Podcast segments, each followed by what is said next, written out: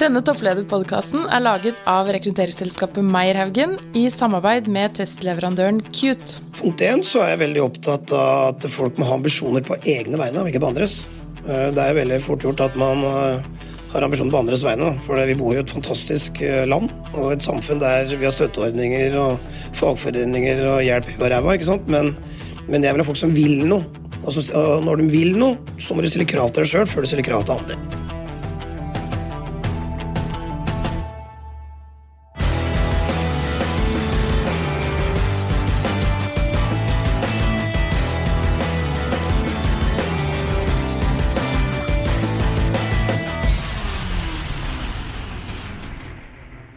Sverre. Vi har hatt mange topplederpodkaster. Men for meg personlig er dette en av de aller, aller, aller beste.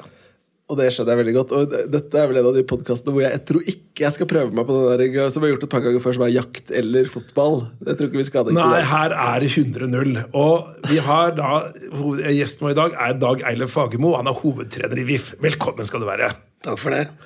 Og nå sitter vi på kontoret til sjefen sjøl, og her er det taktikktavle, og her er det Vålerenga-logoer, og her er det Det er nesten som å komme hjem til Vålerenga, dette her, altså. Veldig veldig hyggelig. Og så nevnte jeg så vidt for deg før vi starta at eh, for Petter så er jo det her ekstra spesielt fordi jeg har hørt mye om Vålerenga. Jeg har aldri hørt så mye om det før som etter at jeg begynte å jobbe med han. Nei, for jeg har hatt sesongkort på VIF i 20 år, eh, og vært, eh, vært eh, med på det aller meste opp- og nedturer, for det er lov å si for en stakkars supporter.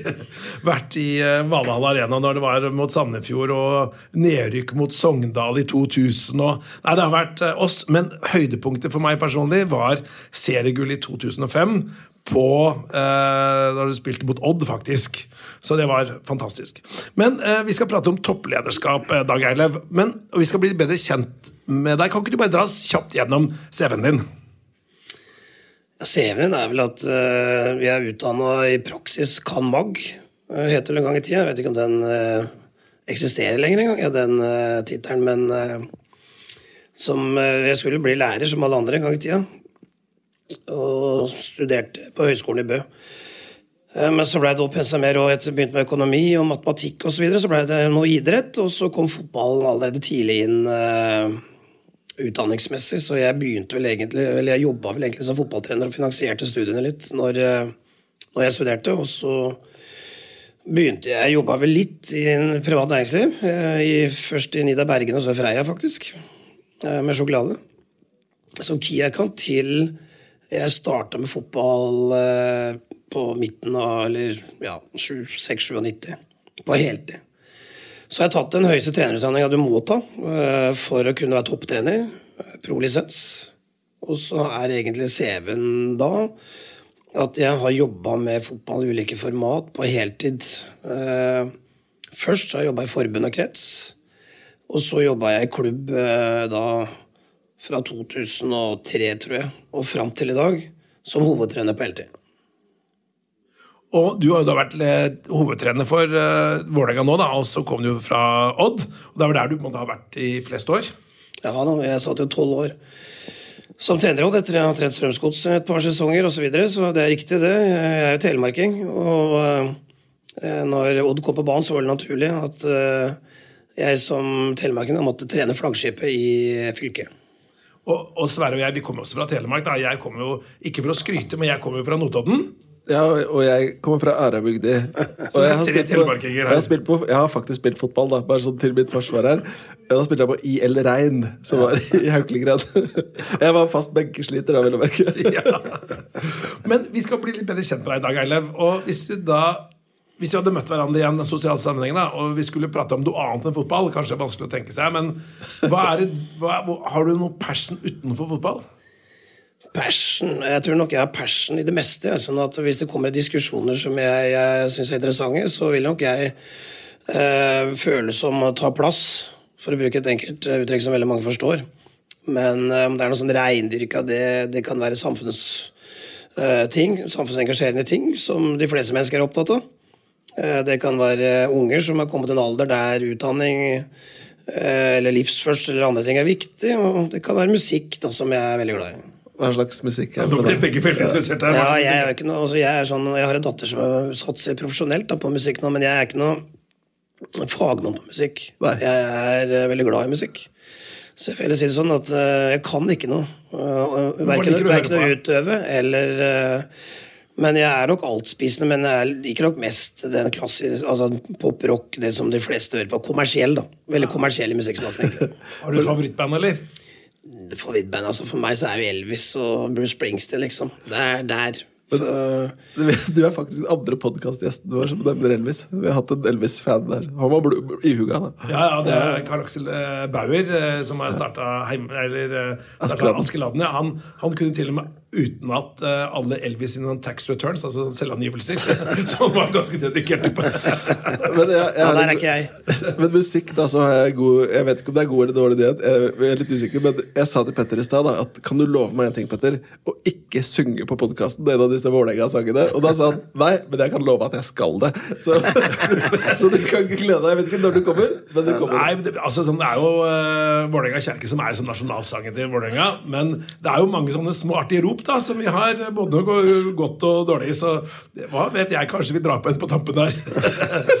men jeg tenker vi skal da Vi har da tre kjappe som vi da bare skal introdusere her, eh, Sverre. Og så skal vi da ta svarene på tampen.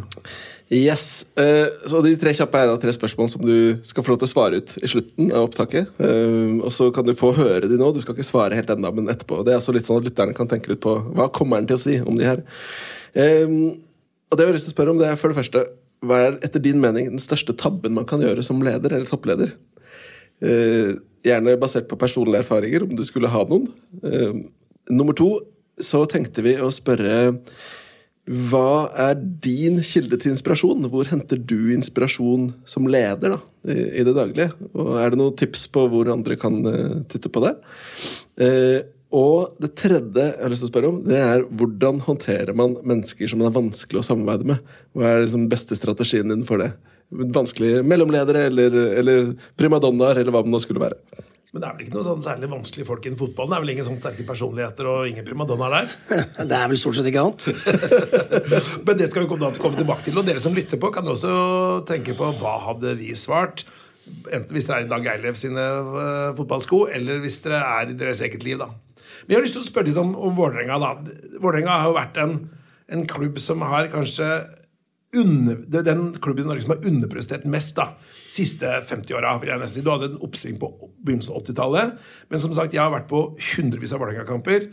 Og det er mer sorg enn glede for, for oss supportere. da. Men så kom det jo en av trener i fjor og, og, og gjorde en fantastisk eh, sesong. Så det må jeg bare gratulere ham med. Hva, hva er status i Vålerenga akkurat nå? Jo, takk for det. Status i Vålerenga er nok det at uh, hvis vi skal ta det litt breiere ut ifra introen din, så er nok Vålerenga en vanskelig klubb. Og jeg ble advart med å ta Vålerenga, for det er jo ingen som har fått det til. Så jeg sa vel på pressekonferansen at her er det for så vidt ikke noe virkelig å hoppe etter. Uh, og det er jo et poeng. Så det er et vepsebol, egentlig, Vålerenga. Det er veldig mange uh, interesser som vil inn, og som gjør det vanskeligere kanskje å få til en tydelig styring. Eh, og det er jo en utfordring, og det har vist seg. at Det tror jeg er noe hovedgrunnen til at Vålerenga ikke får det til. Da. Men status nå er at nå, når, i hvert fall når jeg kom inn, så tenkte jeg at ok, eh, jeg får ta hånd om det som er mitt ansvarsområde først. Og ikke vinne alle kampene. Jeg har ikke noe tro på det at uh, hvis du har flere utfordringer, uh, og så skal du ta, løse alle samtidig, så er det vanskelig. Det er tøft. Da har jeg veldig mer tro på å begynne med noen. Og så lykkes med de før du tar neste steg, på en måte. Uh, der tror jeg idretten er faktisk ganske god. da. Eh, Kontra en del andre som vil Det er ikke så unormalt i livet at du kan ha problemer med kjerringa, og så er det litt dårlig økonomi, og så sliter litt på jobben, og så i tillegg er det dårlig form. Da har du jo fire ut, ganske tøffe utfordringer. Skal du løse alle de samtidig, så, så tror jeg vanskelig altså, Muligheten for å lykkes da, den er mindre enn hvis du begynner med én til to ting og får det ordentlig på plass, og så tar du neste utfordring. Så det har jeg vært veldig opptatt av når jeg kom her. At eh, jeg konsentrerer meg om A-laget til Vålerenga. Det er det som er jobben min, eh, først og fremst. Selv om en hovedtrener vil være involvert i hele klubbdrifta, så er det på en måte kjerneområdene mine. Og det har jeg jobba veldig mye med. Og så analysert og, prøvd å profesjonalisere rett og slett de tingene, sånn at vi har fått spillergruppa og trenerapparatet eh, til å, til å gå i samme retning. Det har vært det viktigste, og der føler jeg vi har tatt et stort steg. Og så har jobba med infrastrukturen. Fordi at uh, Intility Arena Vålerenga her, det er en fantastisk kamparena. Men det er ikke noe treningssted. Og vi skal jo trene, vi skal utvikle mennesker, og da må vi ha verktøy til å utvikle. Og de verktøyene var ikke her. Men vi har fått på plass flere uh, ting uh, allerede som er ekstremt viktig da, for at vi skal utvikle folk også. Så nå er det òg et treningssted, ikke bare en kamparena. Hva vil du si, hvis man da også kan tenke litt på det der med eh, distribusjon, da, det prater vi om disse med, om topplederne våre. Om, hva vil du si er den største forskjellen på å drive en fotballklubb la oss si nå og for 10-15 år siden, og om 10-15 år? Hvordan er trenden her da? Altså Profesjonaliseringa har jo gått uh, veldig langt uh, kontra uh, 10-15 år siden. Hvis du ser på økonomien i fotballklubben nå, så er jo den mange, mangedobla. Det er jo en big business, egentlig, toppfotballen. Og det er vel egentlig tre inntektskilder som er vesentlige. Det er TV-inntektene, og så er det publikum øh, og samarbeidspartnere. Og det er et helt annet nivå på i dag enn det var tidligere. Interessen øh, for toppfotball er så stor fordi at i dag har det langt flere plattformer å sitte i en podkast nå. Før hadde dere i gamle dager hadde dere VG, men nå er det VG og VG Nett. Nå er det Dagbladet Dagbladet Nett. Altså det er en helt annen mediemengde ute det er sosiale medier, alle tingene her, det har gjort at uh, interessen for fotball har eksplodert worldwide, og det merker jo vi i, i Vålerenga òg, og i hvert fall jeg. Så er det en helt annen interesse. Så det, der har nok fotballen utviklet seg mest. Når det kommer til selve fotballfaglig, så, så, er det som all annen idrett at uh, man er bedre i dag. Man har bedre form i dag, man har bedre verktøy i dag, treningsmetodikk, bla, bla, som gjør at man er rett og slett bedre, da. Det, gjelder, det, er, det er naturlig utvikling. Om 10-15 år så er det vanskelig å si, men jeg tror nok det at eh, Jeg er redd for at kapitalen betyr så mye. At eh, de største landene, de største klubbene i verden, vil styre mye. Så få klubber vil eie og styre og ha mye av butikken, fotballbutikken, da, innenfor sine, sine klubbgrenser. Men som, som, leder så er man, man har jo ofte ulike trøbbelting man må ta tak i. Hva er de liksom største utfordringene? Sånn, er det økonomi, er det resultater, eller hva holder deg oppe om natta? Altså, når jeg kom hit, så var det mange utfordringer, og det var det litt inne på i stad. Derfor så prøvde jeg å få utfordringer opp på bordet. Og så bestemte jeg for hvem kan jeg gjøre noe med, og i hvilken rekkefølge er viktig. Fordi at jeg greide jo ikke alt på en gang. Her var det illojalitet. Det var folk som lekte etter media. Det var folk som jobba mot uh, hovedtreneren, eller det var interne kamper osv. Så, videre. så det var vel det første jeg rydda opp i, egentlig. Så kultur, da? Egentlig. Ja. Og så få folk til å forstå at vi er en fotballklubb der, vi, der det handler om å skape resultater, og da må vi gjøre det sammen. Og skal vi greie det, så så må vi på en måte være enige om en vei. Så skal vi ha, skal vi selvfølgelig ha takhøyde og de tinga der, men, men, likevel så det var uh, viktig. Og så skape noen grenser, sånn at man forsto uh, hvem som gjorde hva, og hvem som hadde hva slags ansvar, osv. Og, og få det på plass. så det var vel det viktigste, egentlig. Og det, det har blitt langt, langt bedre. Vi er mye mer harmonisk organisasjon nå enn de var når jeg kom. Og det må det være, for det, du er, er pressa på resultater. Ikke sant? Mm. Og fotball er kortsiktig. Vi blir målt hver søndag. Kanskje to ganger i uka. Vi er oppe til eksamen. Og det svinger sånn, sånn at eh, hvis du ikke da har en plattform eller kan gjerne kalle det, Jeg kaller det kultur, den kulturen jeg står for, men hvis ikke vi står for den sammen og jobber ut fra den, så er det vanskelig å bli vippa av pinnen. Og er det et sted å bli vippa av pinnen, så er det her. Nå kjører jo media allerede, de begynner å bygge opp en kampanje nå der Vålerenga er gullfavoritt. Og hvorfor gjør de det? For det viste seg i at Vålerenga var den klubben som hadde flest, størst interesse. Én million mer views altså enn Rosenborg. Så Vålerenga er svært. Og hvis du kan bygge Vålerenga opp og hause Vålerenga opp nå, så vil det skape masse interesse for mediene. Og ikke minst, hvis vi ikke lykkes, så er det fantastisk å kunne dra Vålerenga ned. Så Sånn er spillet på en måte fra media, og da er det viktig at vi er robuste internt. Ja. Sånn at vi kan stå imot og stå for det vi har sagt, og beholde roen og filosofien, og ikke la oss prege for mye. Ja. Men eh, Dag Ellev, du holder jo en del foredrag, og du er jo en veldig ettertraktet hva skal vi si, foreleser, foredragsholder i næringslivet og arbeidsliv. Eh, og Eh, Vi pratet jo her for en liten tid tilbake, og da hadde du noen gode perspektiver rundt dette med lederskap. Hva vil du si på at det er liksom sånn kjernen i ditt lederskap, og hva er, liksom sånn, hva er det som er viktig for deg å formidle da, når du skal prate til eh, folk som er ikke i fotballen eller idretten, men i næringslivet? da? Ja, altså, jeg har jo Den utdanninga jeg har, som jeg sa innledningsvis, og jeg har jobba en del år og fått erfaring. Eh, Så har jeg tapt noen fotballkamper òg. Jeg har tapt noen store fotballkamper. Og det er klart det at eh, det gjør noe med deg, det. Jeg har vært veldig opptatt til enhver tid på en måte å være oppdatert. Hente kompetanse, være i forkant eh, for å konkurrere på det. For jeg har jo trent egentlig mindre klubber der pengene ikke har vært de store, men du må konkurrere på kompetanse.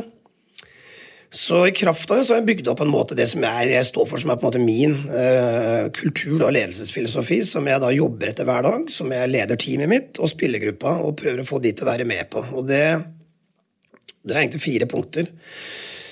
Uh, og jeg har lest om dokumentert arbeid som kjennetegner egentlig organisasjoner som gjenskaper suksess. For å, for å skape vinne, eller gjøre det bra et år, det er mange som greier. Men det er det å gjøre det gang etter gang som er vanskeligere.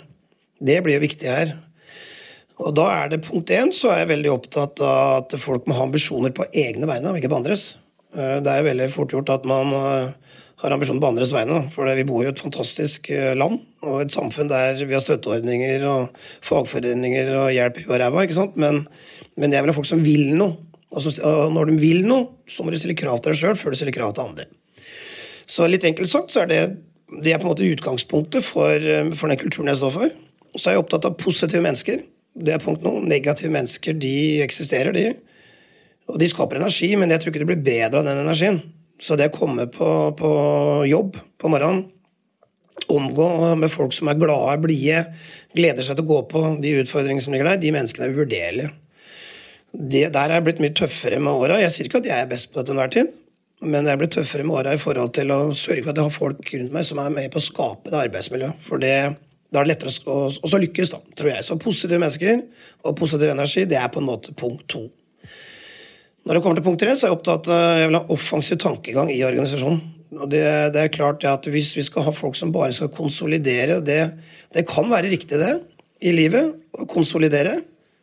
Fordi at uh, man har utfordringer osv., kanskje både privat og jobbmessig. Men du drar ikke organisasjonen framover hvis vi skal konsolidere. Så den utålmodigheten og sulten ligger være offensiv, den mener jeg er viktig. da. Og I hvert fall i en, eh, i en uh, fotballklubb. Jeg må bare si at jeg, jeg smiler når du sier dette. er, for det første er veldig fornuftig og, og godt sagt. Og så er det liksom sånn der, det med å være litt offensiv i tankegangen, det er du enig i, Sverre. Det er viktig. Jeg, jeg merka du tuppa meg lenger der. altså Det som er greia, vet du, er at Petter tror jeg ikke er offensiv, men det er bare fordi han er så offensiv at jeg må, jeg må være realisten da for å klare å ta ting litt ned. Men du må vel ha noen realister, du òg? Eller skal alle være like offensive?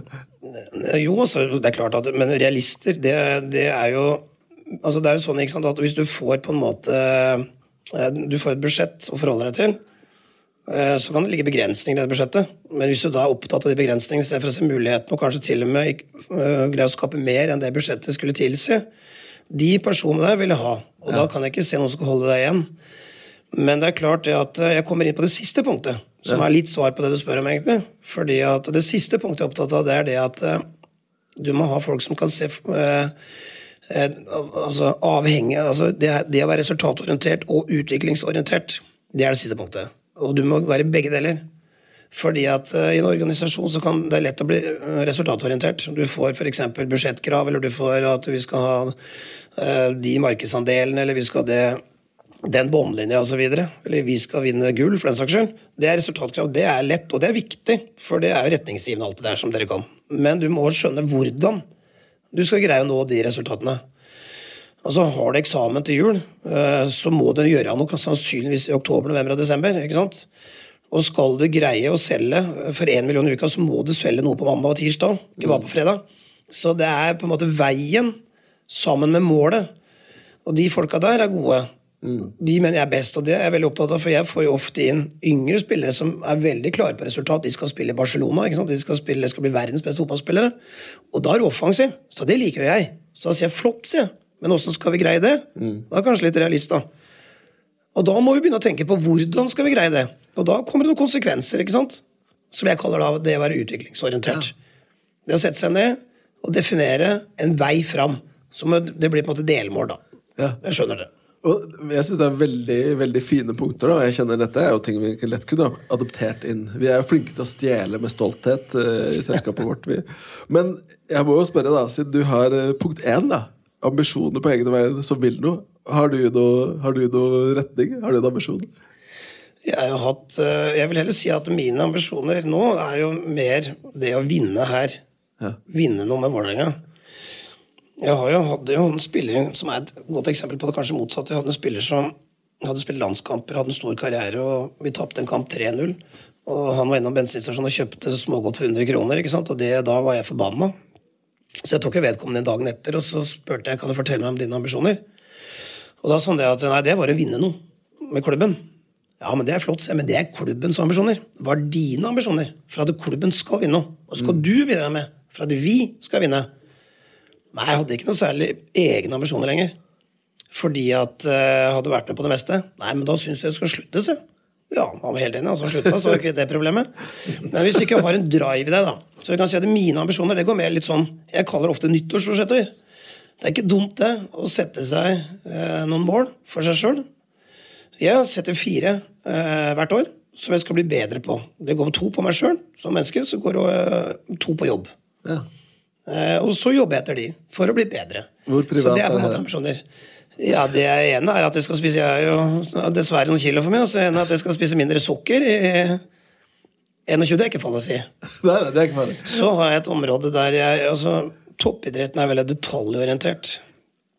Og du, du kan på en måte aldri bli detaljert. Altså, du må være det.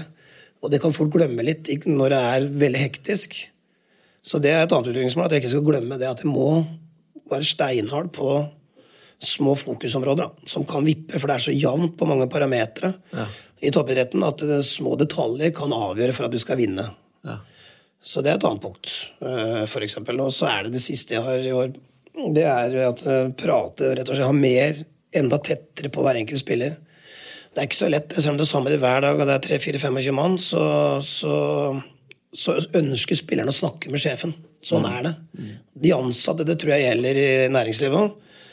Det å få snakke med sjefen og få tilbakemelding trenger ikke være så lange. Jeg har ikke så veldig tro på medarbeidersamtaler. Jeg. jeg skjønner det at da setter du deg en målsetting og de tinga der. Men lange samtaler og sjelden, det har jeg ikke noe tro på. Jeg kan gjøre det en gang i året, så blir vi enige om retningsgivende. Men jeg har langt mer tro på ofte og litt. Så bort og klappe på skuldra for eksempel, og si dette her er meget bra, nå jobber vi riktig sånn og sånn. Eller spørre vedkommende hva føler du nå i forhold til det vi er enige om. Er vi i riktig retning her? Nå får du det til. Den type tilbakemeldinger, og som sagt, da, langt oftere og korte samtaler enn færre og lengre. Kan jeg ta en antakelse at du også er ganske direkte i kommunikasjonen din? Sånn ref det du sa til den smågodtkjøpende spilleren. Veldig, tror jeg. Det er, nok, det er nok ikke noe tvil om det. Så tydelighet er nok en styrke, så kan det diskuteres som en svakhet òg. Men Ja, jeg husker jeg holdt Jeg var leid inn av Coop. eh, I flere sammenhenger holdt foredrag for hele Coop-systemet, egentlig. Og da var, jeg husker ikke hva toppdirektøren der heter, men han sa det til meg. Nå er jeg ferdig at uh, direkte stil Fagermo. Så du har et poeng.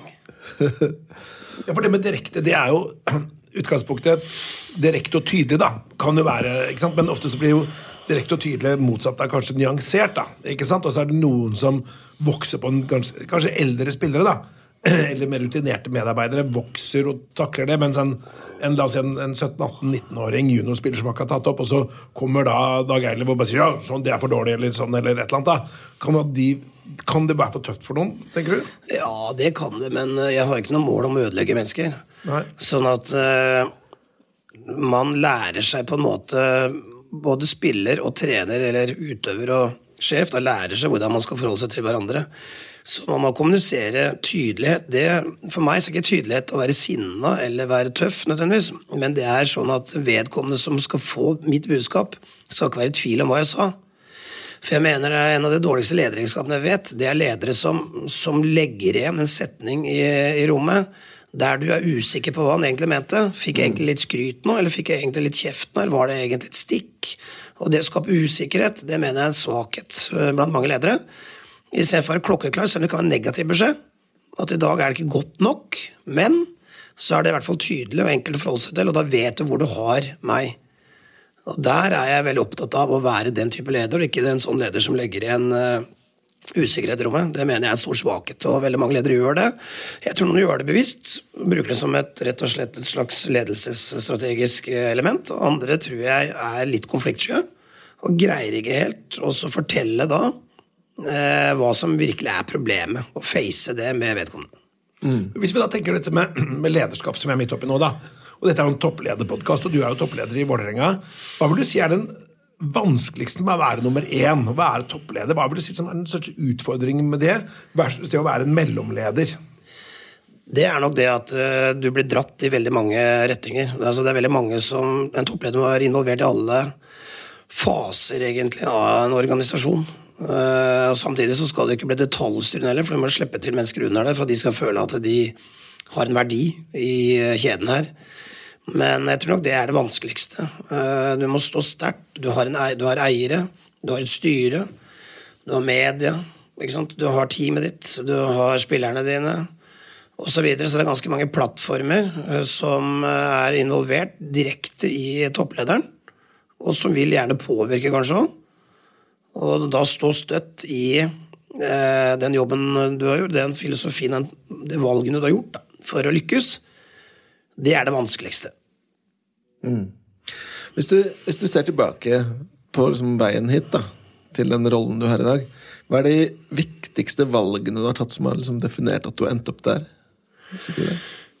det er flere valg, men jeg tror det, er et av de er litt det vi var inne på akkurat. og det, det er litt artig. Også, hvis du ser på alle fotballstyrene jeg har vært med i som trener, topptrener i mange år, så sitter stort sett høyt utdanna mennesker. Det er advokater. Ofte mye advokater, av en eller annen grunn. Det er leger. Altså det, det, går ikke på det intellektet. Men de sitter og tar beslutninger som er veldig feil for en fotballorganisasjon. Og det går noe på kompetanse. Altså, fotball har en egen kontekst som alt annet, selvfølgelig, men det går ofte på følelser.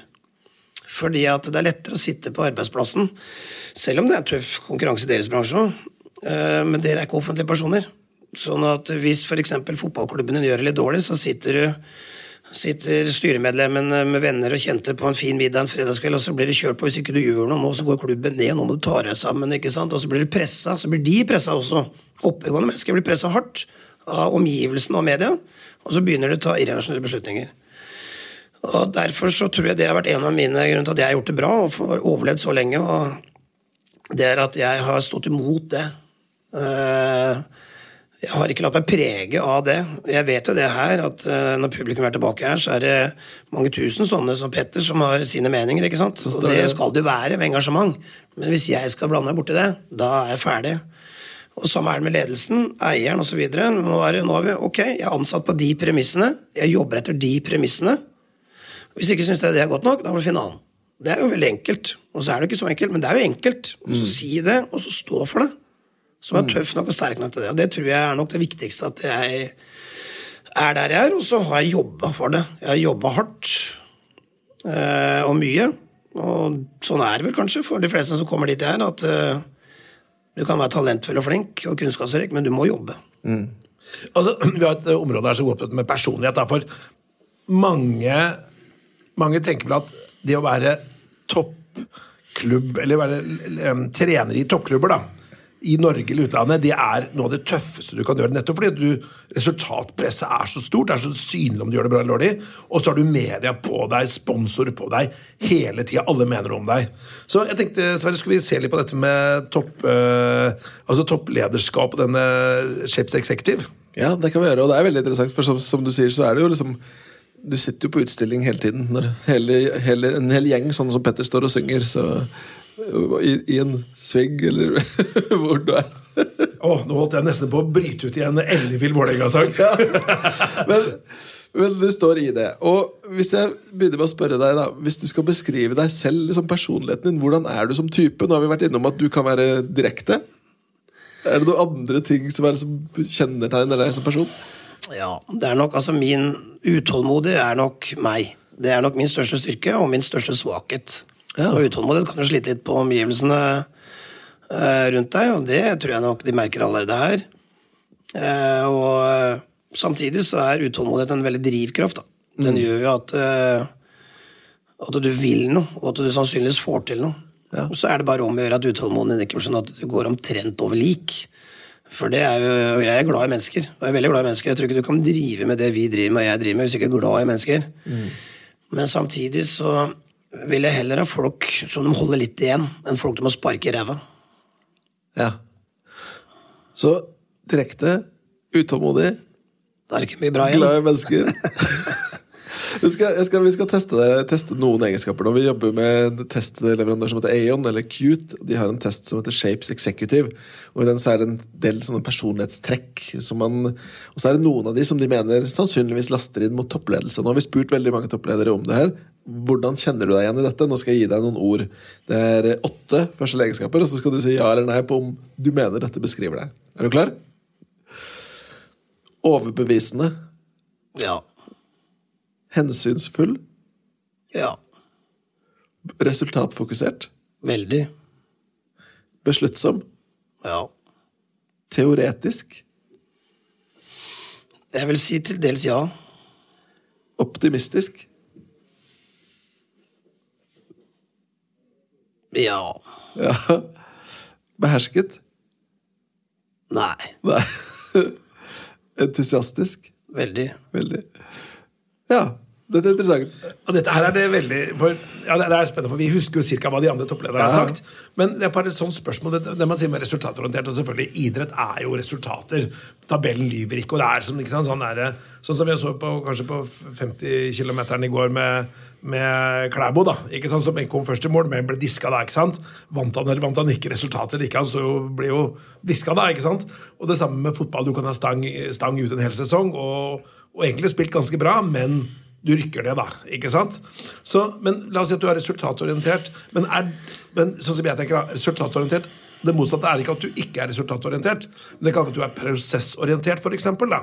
Ikke sant? Men hva tenker du rundt akkurat det der? der og, Men det var jeg litt inne på i stad. Ja. jeg sier jo det at den fjerde biten av den kulturen og det lederskapet jeg står for, er jo kombinasjon av det å være resultat- og utviklingsorientert. Ikke sant? Så jeg er veldig opptatt av utvikling. Hvordan Det er derfor når jeg kom hit, som jeg sa i stad, infrastrukturen her var jo ikke her. Vi har bygd ut gymmen, vi har bygd hvilerom, vi har gjort noe med kantina. De hadde ikke joggesko engang. Altså, jeg jobber mye med ting som gjør at jeg kan utvikle for å få resultat. Så jeg er veldig klar over at det er hånd og hanske. Eh, og derfor så er det et viktig parameter da, i den kulturen jeg står for. Så det å jobbe i prosess eller jobbe fordi at du skal nå et mål, det, det gjør vi jo veldig i, i toppidretten. Jeg tror kanskje det Min erfaring selv nå er lenge siden jeg jobba i næringslivet, men, men kanskje fordelen med toppidretten er at vi er kanskje flinke til å ta litt færre mål. Færre resultatmål, og så når vi det før vi setter oss nye. på en måte. Ja. Mens man kanskje, jeg i hvert fall opplevd det selv, at det blir kanskje litt mange resultatmål, og så er det litt vanskeligere å nå det, så blir man litt utålmodig, så bytter man litt på det, osv. Der er nok idretten, toppidretten og de som driver best i toppidretten, gode ved at eh, det er lettere å nå et mål når du har ett eller to. Og jeg sa vel innledningsvis òg, at da har du noen utfordringer og motgang i livet, så, så må du definere først hvorfor du har det, og så må du få de opp på bordet, og så tror jeg det at du må begynne å løse litt av gangen, da. Og ikke gå på alt. Det er prosess. Men øh, det er morsomt å høre hvordan du svarer. Og vi, vi sitter jo liksom med, som Petter sier, så har vi hørt andre som sier det. Og så er det noen ting som går igjen. For eksempel så er det flere som når de kommer til behersket, svarer tja. Eller i ditt tilfelle så sier du at behersket nei. ikke nødvendigvis. Jeg, jeg greier jo å være beherska noen altså, men jeg har jo vært u... Altså, jeg, har, jeg har jo vært følelsen altså, det, som er, det er en grunn til at topp, nei, eller media betaler milliardbeløp for toppfotballen. Og at eh, vi, topptrenere, er jo, de har jo krav på å få oss sekunder etter kampen er ferdig. Mm. Hvis ikke så får vi bøter. Så det må vi. Og det er klart at eh, da prater mange ganger hjertet før hodet. ikke sant? Ja. det, jeg husker, det er jo ganger jeg har sagt ikke si det du har lyst til å si nå, for det er så dumt, men jeg sier det for det.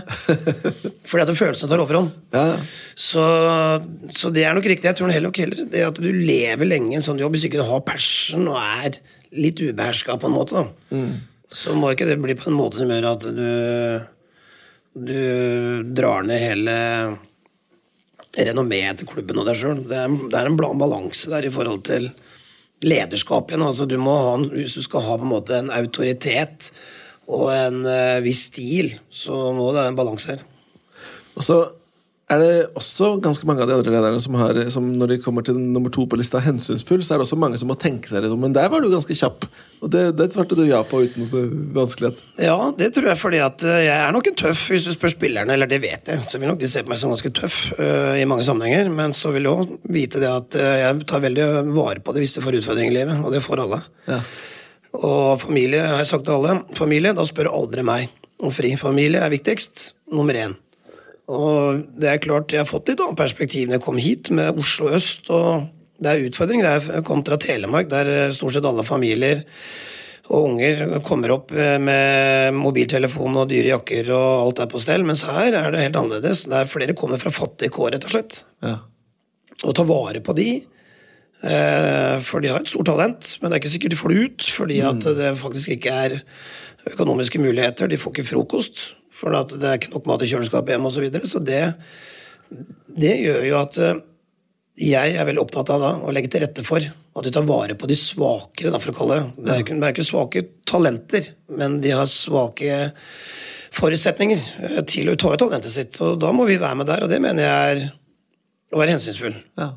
Det er som altså Det korrelerer jo med god ledelse også, så det er jo en god egenskap.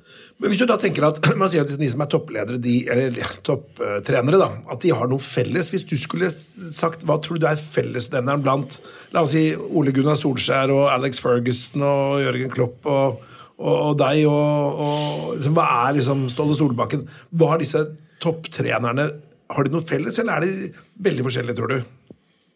Jeg har jo besøkt og kjenner mange, så vi er jo forskjellige. Vi gjenspeiler nok samfunnet, vi som for øvrig. Men det er klart, fellesevneren er jo fotballinteressen. Vi, vi, får vel egentlig hobbyen vår som jobb. Jeg har sagt mange ganger til kona at når jeg kommer hjem, så har jeg ikke noe hobby lenger, for den har jeg vært på hele dagen. Men, men jeg tror nok det, men du, du ser ulike personlighetstrekk og lederstiler blant uh, trenere som du gjør ellers i næringslivet. For Ole Gunnar Solskjær da, virker i hvert fall sett utenfra som en ganske lugn fyr. Det er veldig sjelden han skriker og sparker i vannflasker og klikker på, liksom på sidelinja. Han sitter jo jeg satt og så på kamp i går, da, United, eller uh, City mot United. Og da vant jo United, selvfølgelig. Og du ser Ole Gunnar Solskjær liksom, ja, nikker forventningsfullt når det går bra. og Det, jo, det gjør jo det som regel for United. Men hva, mens du er jo litt mer aktiv på sidelinja, har jeg sett. Ja da. Så der er det forskjeller. Og, men så er Ole Gunnar tøff nok når han kommer innafor husets fire vegger, så det er ikke sånn at uh, det som man nødvendigvis ser ute på, eller i fjernsynsruta, er den, det personen er. Men uh, jeg tror nok det at presset For meg så er ikke jeg så bekymra for presset fra omgivelsene. Jeg har vært med lenge og såpass tro på det jeg driver med, at uh, her er det press. Og en av de klubbene med mest press i Norge. Men jeg legger mest press på meg sjøl, sånn at du, du vil så gjerne få til det du jobber med at uh, det ser jeg nok på sidelinja. Uh, at kroppen er prega av at nå trenger vi et mål, eller nå får vi et mål, osv. Og, så videre, og så blir du veldig glad eller veldig lei det. Da. Og det er jo noe som man må prøve å styre, for det kan jo ikke gå utover den jobben som skal gjøres. På den annen side så tror jeg det at uh, det å vise at man virkelig bryr seg, da, man så på sidelinja, det smitter. Da, da, vet spillerne og supporterne at her er den som virkelig vil noe med det han gjør. Så det er nok andre som vil mene det motsatte. Hvis vi da skulle sett litt på langsiktige mål for Vålerenga, hvor, hvor lang eh, kontrakt er det du har nå med Vålerenga? Jeg er ut neste år. Nettopp. Og er det, i hvert fall når du starta, så syns jeg husker at som du sier, du ønsker å vinne noe, da. Og Hva, hva vil du si er ambisjonene for Vålerenga for 21-sesongen? da? Ja, Det har vi ikke bestemt helt ennå. Det, det, det, det mener jeg er viktig, det. Lederskap, for så vidt. Vi tar en runde på det alltid, har gjort det, når vi nærmer oss seriestart. Når vi vet hvordan spillerstallen er. Så liker jeg å involvere hele trenerteamet, hele spillergruppa, gjerne ledelsen i klubben òg. At vi setter oss ned sammen og så har vi en ordentlig debatt der vi setter opp hva er styrkene våre i 21, og hvor ligger utfordringene. Og når vi har definert det, blitt enige om noen ting som vi er veldig gode på, noen ting som kan være noen utfordringer, hva blir målsettinga for sesongen. Sånn burde det jo ikke vært. For det burde jo vært sånn egentlig at ledelsesmessig så bør klubben fra styrenivå sette ned, si at vi skal være der og der og der resultatmessig i løpet av en periode. Og så bør man sørge for at man får virkemidlene til å greie det. Det ville vært relativt normalt i næringslivet, tenker jeg. Men dessverre er ikke fotballen sånn. Eh, Sånn tror jeg ikke en fotballklubb er laga. Fotballklubben går på følelsesøkonomi, og ikke på bedriftsøkonomiske termer. Sånn at eh, her får du en pott, og så må du ut og lage så godt fotballag som mulig, på en måte. Så må du bygge det opp. Og det er en veldig spesiell måte å jobbe på, men det, jeg tror ikke det at du kommer ut av den, av fotballen, rett og slett. Men jeg tror, Nå har du lagt fram egentlig, Du har snakket, sagt et par ting som jeg synes er interessante om din ledelsesfilosofi, og om deg som er egentlig parallelt til dette. Det ene er dette med at du er direkte, men du er omsorgsfull. Så har du snakket om at du er eh, vekst- eller resultatfokusert, men du er også prosessorientert. At det er liksom ikke den ene siden, men begge deler. Og på samme måte så tror jeg det du beskriver nå, da, som det er nok riktig at i næringslivet så er det en større del av dette med å sette et mål og gi virkemidler til å nå det. Men jeg tror nok også næringslivet ser, kan tjene på det med å liksom få med seg grasrota. Da. Og vi ser jo det at De gode prosessene som handler om kultur og strategi, og sånn, da jobber man kanskje litt mer som en fotballklubb. Da. Om, så egentlig tror jeg næringslivet kan, kanskje kunne lært litt av dere også. da. Ja, ja da, absolutt. Så det er ikke noe tvil om det at eh, det å på en måte ikke bare se på penger som en ressurs, men det er andre ressurser òg for å skape resultater, der tror jeg at eh, Ikke Vålerenga, for her har brukt langt mer penger enn det man har skapt resultater. Men det er fotballklubber som får til mer enn ressursene skulle tilsi. Og det er i hvert fall for meg. Jeg har vært når jeg kom inn her, så ba jeg ikke meg krone. Jeg sa klart ifra at her er det mye å ta tak i som ikke handler om penger. Så la oss bli gode nå. Først. La oss, gi meg litt tid til å få jobba med de tingene som ikke koster noe, men som er viktig for uh, å bygge resultater. Og det har jo hjulpet fælt, det, så langt. Jeg tenkte vi skulle se litt på de tre kjappe, og så har jeg veldig lyst på slutten av at uh, Dag Eilif, kan ikke du stille Sverre noen fotballfaglige spørsmål? Det hadde vært utrolig hyggelig. Så nå skal han stille deg tre kjappe, og så skal du kontre med tre fotballfaglige spørsmål. Det kan alt fra hvem var seriemester i fotball i, i Norge i fjor. Oh. Han er helt blank på det. Han vet ikke Han har knapt hørt om Ronaldo og Messi. Og det er nivået. Så nå skal han si deg tre kjappe, og så skal du kontre Jeg etterpå. kjenner jeg, kjenner jeg gruer meg allerede. Der. Men først er det meg. Først er det min tur. Første av de tre kjappe er Hva mener du er den største tabben man kan gjøre som toppleder? Å love noe du ikke kan holde. Ja, bra. Det har jeg for så vidt eh, vært med på sjøl. Det. det er litt sånn du kan bli euforien, eller du kan bli veldig glad i folk, ikke sant? og så har du veldig tro på at eh, dette får Peter til. Så sier jeg til Peter at neste helg, da er det din tur. Og så gjennom uka så ser jeg at det var kanskje ikke helt riktig, så angrer jeg meg litt, og så går jeg nei, det blir ikke der likevel. Ja. Det er eh, Det mener jeg er dårlig lederskap. ja. Og da er du tilbake til tydelighet igjen. da. Ja. Veldig bra. Hvor henter du selv inspirasjon? Jeg henter inspirasjon eh, først og fremst ved å reise ut av Norge og oppsøke miljøer som jeg vet eh, har kunnskap som jeg mangler i min filosofi. Jeg er, ikke, jeg, er ikke, jeg er ikke villig til å endre filosofien min, men jeg vil utvikle den og gjøre den bedre. Så jeg har vært på veldig mange studieturer, jeg er det hvert år, og lest mye dokumentert arbeid og sånn, men jeg har bomma på en del òg. Men etter hvert så har jeg blitt flinkere til å finne hvor det er kunnskap som kan trigge eller utfordre og gjøre meg bedre. Snakker vi da om liksom, en person du vil møte? Ja, det, nå Sist besøkte jeg jo Bielsa. Det, det burde vært spørsmål burde stilt til deg, men du har jo ikke hørt om Bielsa, selvfølgelig. Men det er jo da Han ble sett på for å være verdens beste fotballtrener, og jeg har lært opp Pep Guardiola annet i Manchester City. Så det var siste studiebesøket nå. Det, det ga veldig mye, faktisk. Kult. Eh, siste Hvordan håndterer man primadonnaer eller mennesker som det er vanskelig å jobbe med? Det er å bli kjent med dem, først og fremst. Du må vite hvorfor eh, de agerer som de gjør, og hvorfor de er enten primadonnaer eller vanskelige. Og så når du har en forståelse av det, så, så er det lettere å få respekt og få en kommunikasjon som gjør at begge går bra sammen. Mm. Så må man lære seg til at eh, på en arbeidsplass, eller om det er i en fotballgarderobe, eller hvor det er, så er det enkelte regler som gjelder for alle. Sånn er det i samfunnet. Derfor har vi lover, og det gjelder og Hvis det er noen som vil bryte de, på en måte, så må man være tøff. Men eh, det finnes så menneskelige aspekter som kan jobbe med der, som gjør at man har, alle har respekt hvert fall for et grunnelement eh, av regler. Og så må man også akseptere at folk er forskjellige. Det beriker at folk er forskjellige. Veldig bra. Jeg syns det var gode, gode svar. Absolutt. Kort og konsist. Men nå er det jeg gleder meg veldig. Nå skal Dag Eilif Fagermo spørre Sverre Haugen eh, tre fotballfaglige spørsmål. Begynn litt lett, og så kan du heller øke uh, intensiteten etter hvert. Jeg tror, så ser han vanskelighetsgraden på, basert på svaret, tror jeg. Hvor, stort, hvor stor omsetning tror du en klubb som Vålerenga har? Oh, ja, det er jo et interessant spørsmål. Her kan man jo estimere hvor stor omsetning en klubb som Vålerenga har.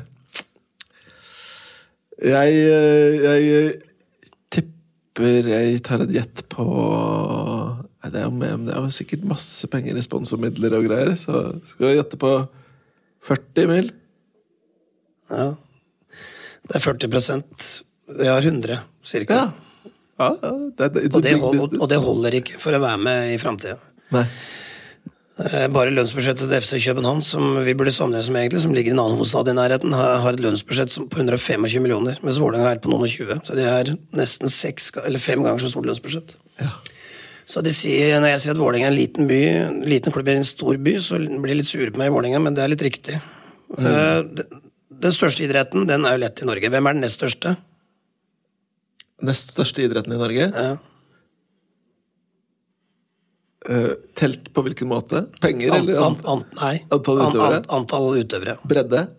Ja, med alt. Topp og bredde. jeg har gått på idrettshøyskolen, så da må jeg spørre hva er det bredde vi snakker om. Alt, både topp og bredde sammen, slått sammen. Eh, det er jo et godt spørsmål, da. Det kan være at det er et lurespørsmål, at du sier at den største er jo lett. Og så sier du, og så impliserer du at det er fotball, men det kan jo være at det er noen andre som er større enn fotball. selvfølgelig, At det er et lurespørsmål. uh, det er, jo Det er jo nærliggende å tenke langrenn, kanskje. Men det ja, Nei, jeg får sånn poppe orientering opp i huet mitt, men jeg sier langrenn, jeg. Ja. Først, største idretten er herrefotball, og nest største er damefotball. ok, greit. Det var fotballspørsmålet jeg skulle stille, var det ikke det? Jo. Få avslutte med hva offside, da? Ja, det vet jeg hva er. Faktisk. Det vet jeg hva er. Hvor, godt jeg forklarer. Det er når du eh, Du har ikke lov til å passe ballen til, eh, med din angrepsspiller forbi forsvar, siste forsvarsspiller. Da. Altså, når ballen slås, så må du være på linje med, eller på hitsiden av den, lengst vekk i Det var bra, det var bra, det. Bra Ja, det var forklart. Det var ikke så Nei. Det var, var tydelig, tydelig forklaring. det? Det var litt fotballtrener der. Ja, veldig bra. hvem var seriemesteren i i Norge i fjor, da? Fotball? Herrefotball? Eh, Jeg veit ikke. Jeg har ikke peiling. Kom med et forslag. Eh, da tipper jeg på Brann. Det er. Det som ikke tror. Det er nesten ikke tror. Hvem var det, da? Var det Enga? Bodø-Glimt. Å, ja. Ja. Nei, men Kjempebra. Du, Jeg tenkte jeg skulle runde av da, men uh, tusen hjertelig takk for tiden din, eh, Dag Eilev. Uh, Skulle ikke du synge? Hva sa du? Skulle ikke du synge først? Da vår forening kom til verden, da jubla alle unntatt Lyn. Da smalt det fra den største nerden, nå er vi kun nest best i byen. Det er det er fantastisk. Jeg kunne sunget deg hele kvelden. Men tusen hjertelig takk, Dag Eilev. Eh, utrolig lærerikt å være her hos deg i dag. Tusen Ja, takk. like måte. Har du innspill eller kommentarer til denne podkasten, kan du sende en e-post til toppleder at meierhaugen.no.